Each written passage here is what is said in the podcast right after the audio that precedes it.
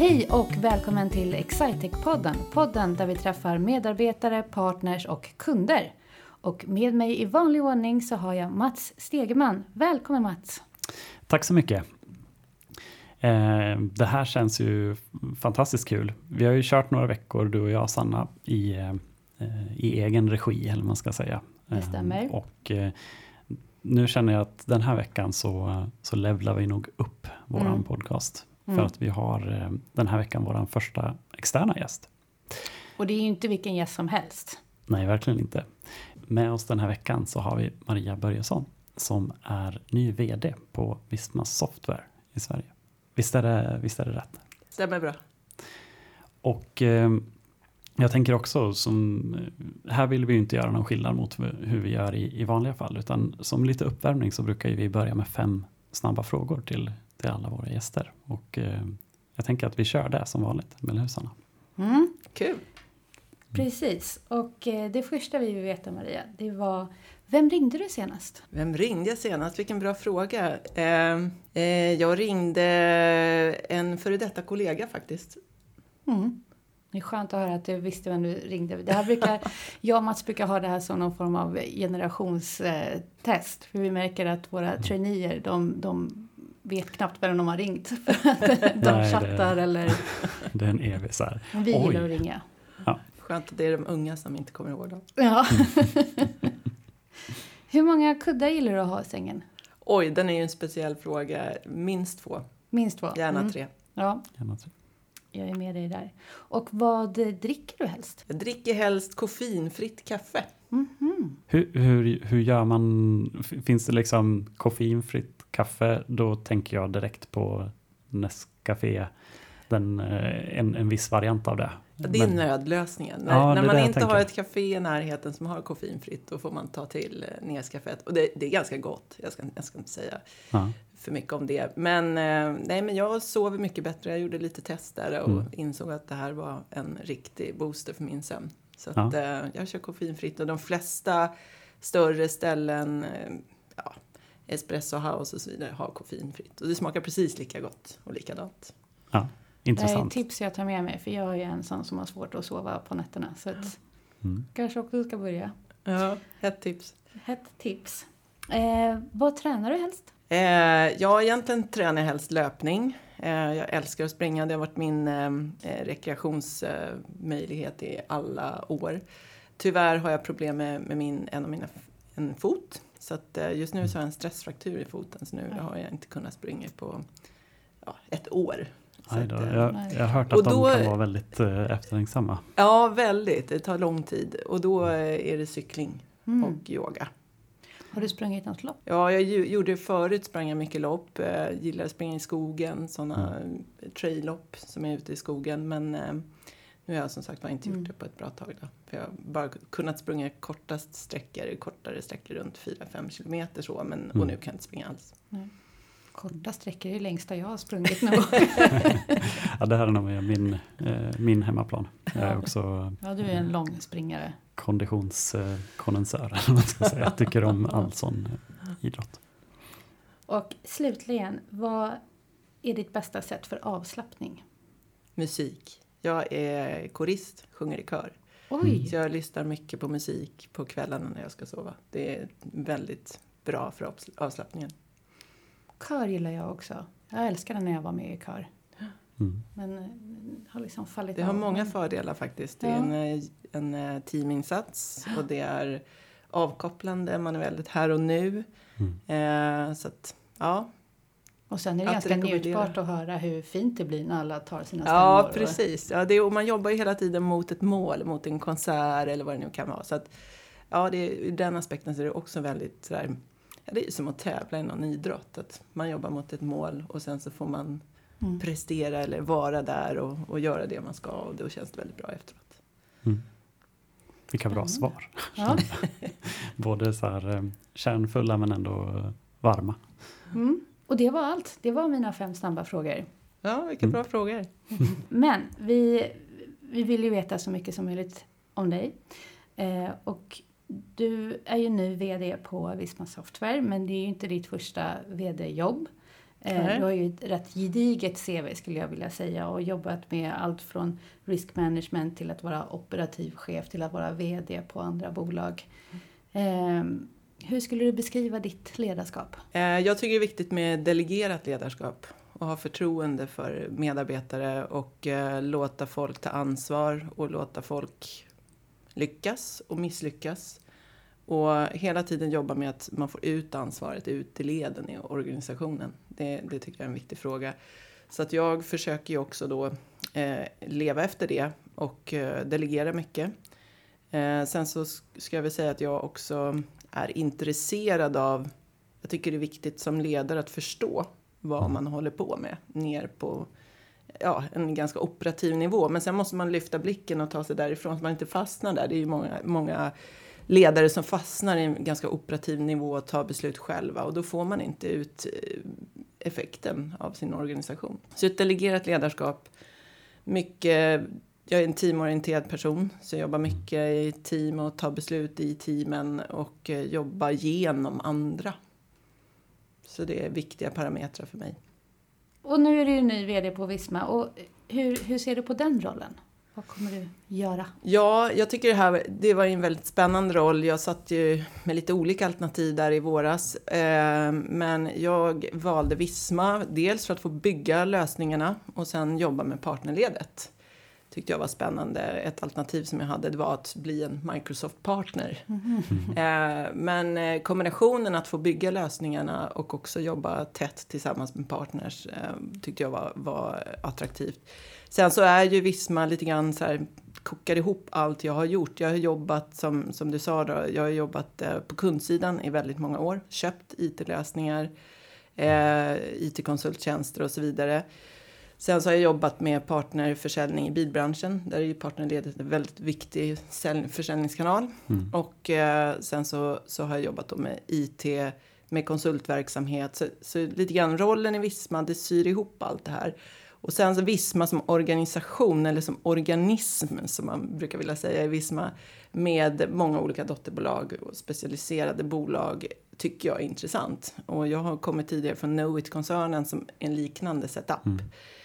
Och det är en väldigt intressant modell för man skapar en ganska stark eh, specialistkompetens i bolagen så att man får en väldigt stark eh, eh, ett starkt erbjudande om man lyckas samarbeta i koncernen. Mm. Så att jag, jag, tycker att den organisationsformen är väldigt intressant. Och här blir det ännu mer intressant eftersom man bygger produkter. Så att där, där var, det var anledningen till att jag valde Visma och mina förväntningar i den rollen, min vision med rollen när jag kommer in i Visma är ju att eh, fortsätta kunna erbjuda kunder och partners integrerade lösningar. Mm. Och fortsätta jobba, bidra till i Visma att våra bolag kan jobba ännu bättre ihop och integrera våra lösningar så man får en One UX-upplevelse som kund och ni som partners har ett bra komplett erbjudande som ni kan bära ut till era kunder. Så, så det, det känns viktigt och sen så sen jobba tillsammans med partners för att möjliggöra att ta in fler kunder. Kanske mm. hitta en modell där, man, där vi bidrar med kompetens, eh, med eh, ja, gå in i, tillsammans med era team för att få ut lösningarna eftersom vi ser lite grann att alla partners har inte bandbredd att ta emot de kunderna som faktiskt vill använda mm. Vismas lösningar. Så det tror jag blir en viktig uppgift och sen så, ja, som sagt var bidrar då till eh, den här styrkan med en decentraliserad organisation i mm. Visma att jobba för att vi jobbar ännu bättre ihop i Visma för att kunna liksom bygga ihop våra lösningar och erbjud, ha ett starkt erbjudande. Just det, det är, ju, det är väldigt intressant. Vi, inom Exactex verksamhet så har vi ju länge liksom tänkt utifrån perspektivet best of breed. Mm. Att liksom samla mm. ihop lösningar som um, ja, men vi har ju jobbat med medelstora kunder i, i Norden uh, ganska länge och mm.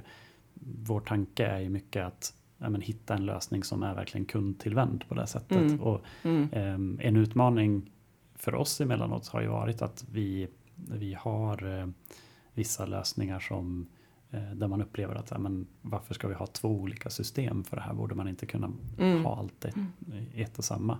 Men generellt så för våra kunder så har det handlat om att det inte riktigt funnits den typen av system. Exakt. Ehm, de, det blir så här, de som försöker göra allt i ett blir för, ehm, för simpla i sin eh, Mm. de är inte nog kompetenta de systemen för att du har alltid någon grej som kund som du vill vara extra bra på. Mm.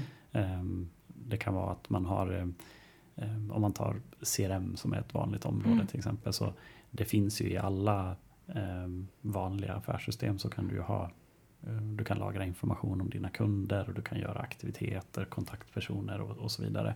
Men det är ju inte riktigt att, att jämföra med det stödet som behövs när du har en, en, en verksamhet där försäljning och kanske lite längre komplexare försäljningsprocesser måste kunna stödjas. Mm. Em, Då behöver du oftast ett, tydligare verktyg. Mm. Men, eh, men det är, ett intressant, det är en intressant aspekt. Ja, och det, det är... ehm, Jag menar, det finns så många olika lösningar inom Visma och lyckas Mm. vi bygga ihop den alla lösningar med, på ett, eh, med, med en One UX-känsla för kunden där man faktiskt inte upplever att man är i olika lösningar, då blir det, ett, då blir det en kraftfullt erbjudande, tror jag. Mm. Och där, det är väl en här generell eh, som jag egentligen tar med mig sen jag bytte sida och gick till leverantörssidan. Eh, jag bytte 2016, att hela tiden jobba i de bolag jag verkar i med att skapa ökat kundvärde. Mm. Vi blir lite grann, det är min spaning i vår bransch, att vi blir lite inåtvända ibland. Mm. Vi bygger coola grejer och bygger bra lösningar, går att sälja? Frågetecken. Är det ökade kundens affär? Frågetecken. Det är de Mm. frågorna som, som vi hela tiden måste ställa oss. Mm. Hur bidrar jag till att öka kundens affär? För det är det man är intresserad av som kund. Ja, verkligen. Och, och där är det väl också alltså en utmaning som finns med att det finns ganska mycket specialiserade system. Mm. Ehm, så alla gånger har ju inte kunderna heller eh, liksom råd att investera i flera olika. Och, och vi som branschmänniskor har väl i, ibland kan man så säga att men, du vet, vi kan nog ändå lösa det här i ett, ett av dina befintliga system. Det är inte det bästa sättet, men det, det går. Mm. Och gör man så lite för ofta så leder ju det också till att kunden till slut sitter med en sån här lösning där man har i princip hela sin verksamhet i någonting som egentligen var ganska bra från början. Men nu känns det som att det här systemet används till så pass mycket olika grejer att, Mm. att man blir förvirrad av det istället. Ja, och det kanske blir svårt att underhålla också. Förvaltning, förvaltningsbarheten det är är- inte minst viktig. Det är verkligen så också. Men jag har ju hört att du har ett eh, motto också. Eh, It's all about people, passion and software. Ja, det där mottot eh, det har växt fram under mina år. Eh, jag, jag var med och startade upp BNP Group Financial Services i, i Sverige. Då var vi en startup. Då byggde vi, eller gick ihop då med våra partners och implementerade system från grunden. Eh, den resan var ganska nyttig, att bygga upp en verksamhet. Vi hade också en, en partner i G Capital, så de körde våran låneportfölj då, eller leasingportfölj eh, under ett antal år tills den hade nått ett viss, en viss volym. Och sen startade vi upp då lokalt i Sverige och tog över den här kontraktportföljen in i våra egna böcker, i våra egna system och, och så vidare. Och då tyckte jag, det, det var väl då första insikten att ska man vinna affären där ute, då måste man ha bra mjukvara som fungerar. Och för att ha det eh, så behöver man ha medarbetare som är passionerade kring att få det att funka. Eh, så, så lite grann, där, där började den känslan växa fram. Sen har den bara växt fram under alla mina år. Att ha rätt medarbetare på rätt plats. Jag ska inte säga rätt medarbetare, utan ta ett ansvar för att man har sin personal, sina gubbar och gummor på rätt plats. Så att mm det finns möjlighet att skapa någon slags passionerad känsla kring jobbet. För har man folk som sitter på fel plats, då får man inte det. Så ha rätt man på rätt plats och eh, en tydlig vision som man kan haka i och känna liksom det här kan jag stå för. Just Det här driver min passion, det här gör mig glad när jag går till jobbet. Och sen ha bra mjuk- mjukvara som, man, som medarbetarna gillar och som, som eh, kunderna gillar när de ska ans- ansöka om sina lån eller betala sina fakturor eller vad det nu är. Det. Det, det, har, det har växt fram under åren att det är verkligen, tycker jag, nyckeln. Mm. Jag blev nyfiken när du sa så att, att säkerställa att man har rätt, rätt person på rätt, eh, rätt plats. Hur, eh, hur säkerställer man en sån grej? En sak tror jag är jätteviktig, det är att lära känna sina medarbetare. Det är ju basic och kanske många tycker en öppen dörr. Men tyvärr så tror jag att det är väldigt många ledare som inte lägger den tiden. Att mm. verkligen prata med folk, förstå vad, vad, vad, just du drivs av. Vad just du, vad får dig att gå upp på morgonen. Man sitter kanske med eh, utvecklingssamtalsmallar och, och så vidare. Har en ganska gedigen process hur man mm. ska göra sina utvecklingssamtal och vilka tidpunkter. Så man, blir, man fokuserar snarare på att bli processtekniskt mm. korrekt istället för att man varför går man in i det här samtalet? Ja, man ska ju lära känna folk och förstå. Hur mår de? Vad tycker de? Vad brinner de för?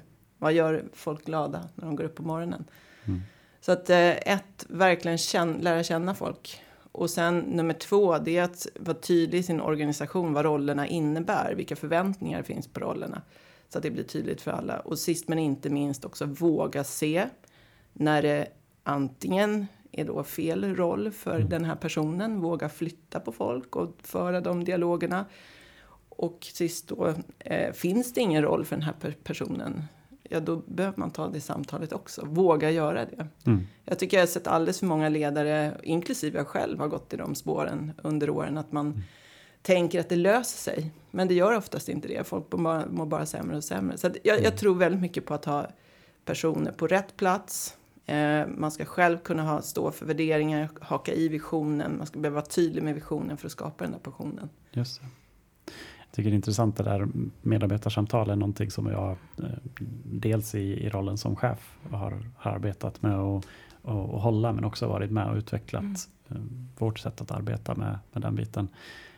Jag minns, jag tror det var min första vända när jag, när jag höll sådana här samtal så eh, minns jag att eh, jag tyckte så här, vissa av de samtalen som jag tyckte gick absolut enklast. Så här, här har vi en nöjd medarbetare, det bara flöt på. Det. Mm. där, man, där man hade den, den känslan. Eh, hade man, och sen så hade man några stycken som man tyckte var utmanande. De ställde en massa frågor. Och så här, är de inte nöjda med någonting? var liksom min, mm. min känsla.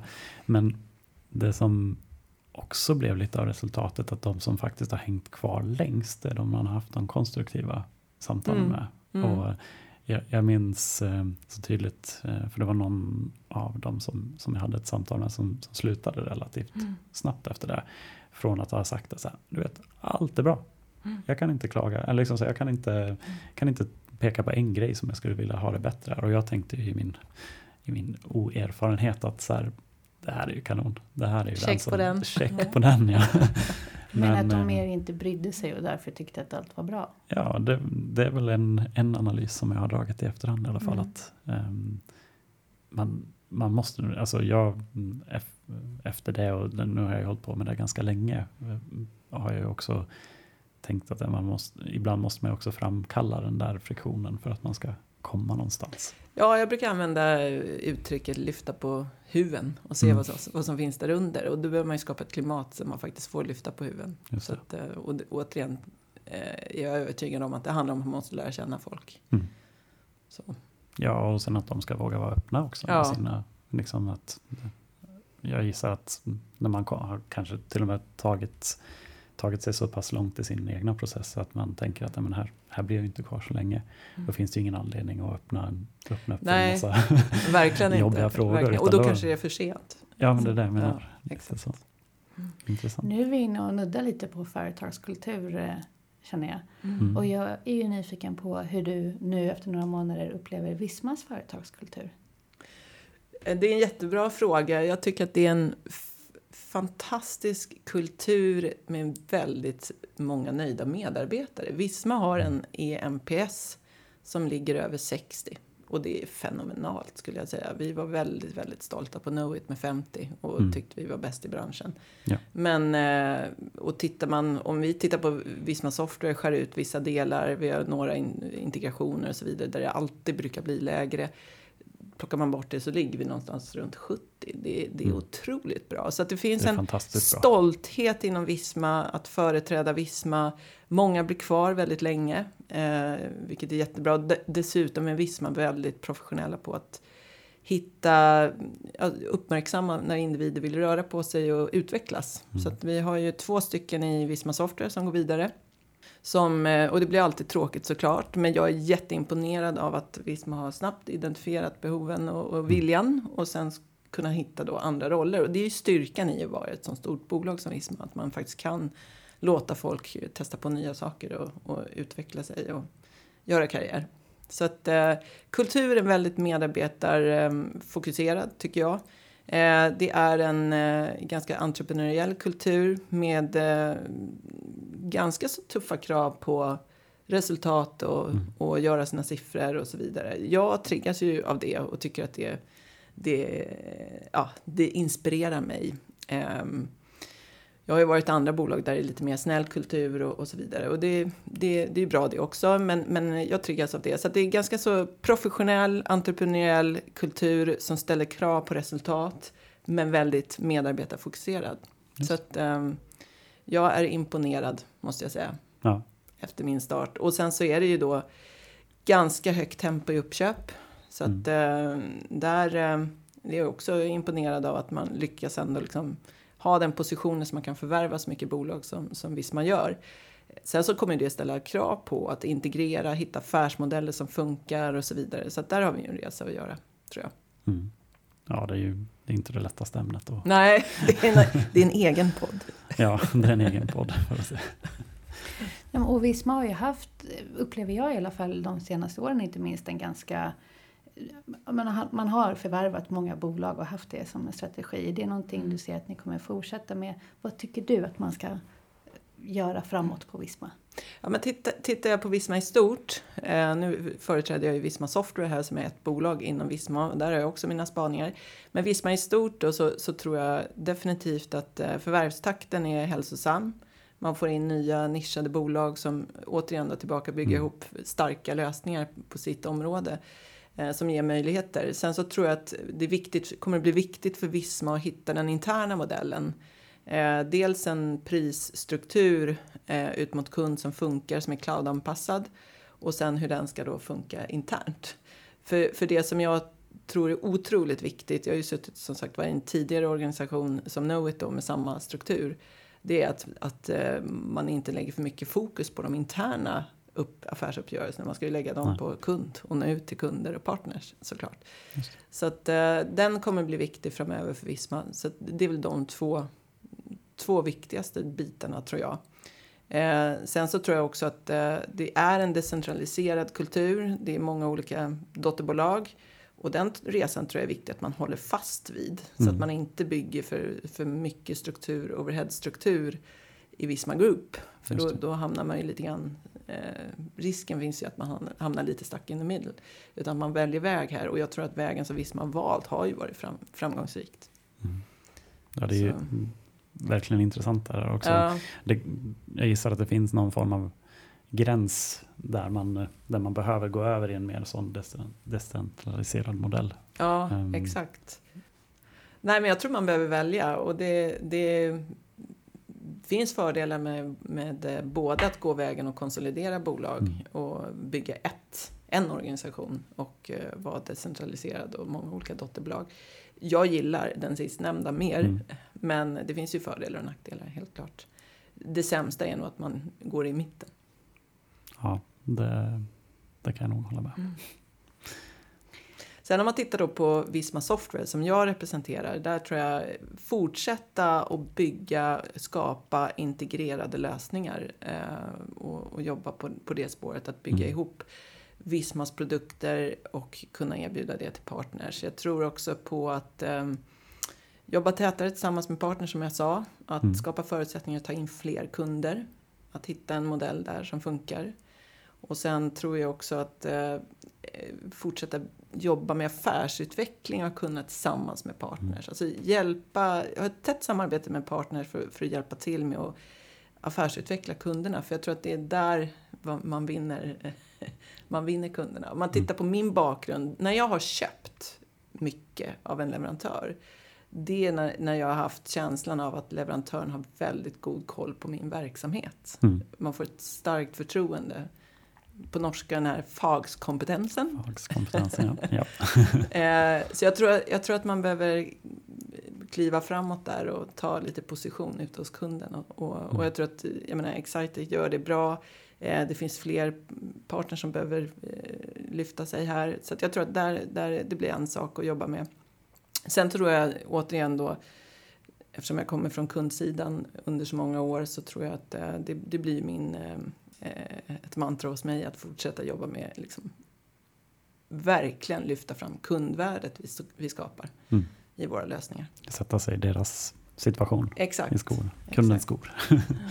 Och sen tror jag också för Visma Software, ja, hitta en prismodell som funkar där det blir win-win för, för alla som är också anpassad till eh, när vi går över till cloudbaserade lösningar. Mm. Där vi har snarare fokus på transaktioner i lösningarna än, än licenser. Det, det är en viktig fråga och det är mm. också jag var ju på Emric under en period som ett bolag som köptes upp av T1 och som levererade lösningar mot bank och finanssektorn. Då.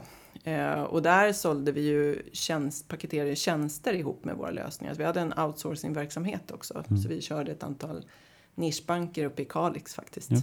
Och där gick vi över till en prismodell där man betalar per kreditansökan. Eller, ja, och, och då, var det, då var det paketerat ihop med tjänsteleveransen. Mm.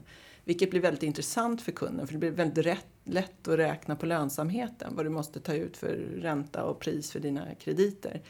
Så jag, jag tror att det, det, är ju, men det blir ett annat sätt att sälja och mm. prata med kunderna. Så det tror jag blir en viktig resa för oss. Verkligen. Och där har ju vi, i och med att vi jobbar med ganska många olika, eh, alltså i, i många olika sådana här partnersamarbeten så har vi testat på eh, båda varianterna. Ja. Och eh, jag minns nog fortfarande liksom den här känslan av att oj, nu, nu, ska vi, nu byter man eh, licensmodell på en, från en av våra leverantörer.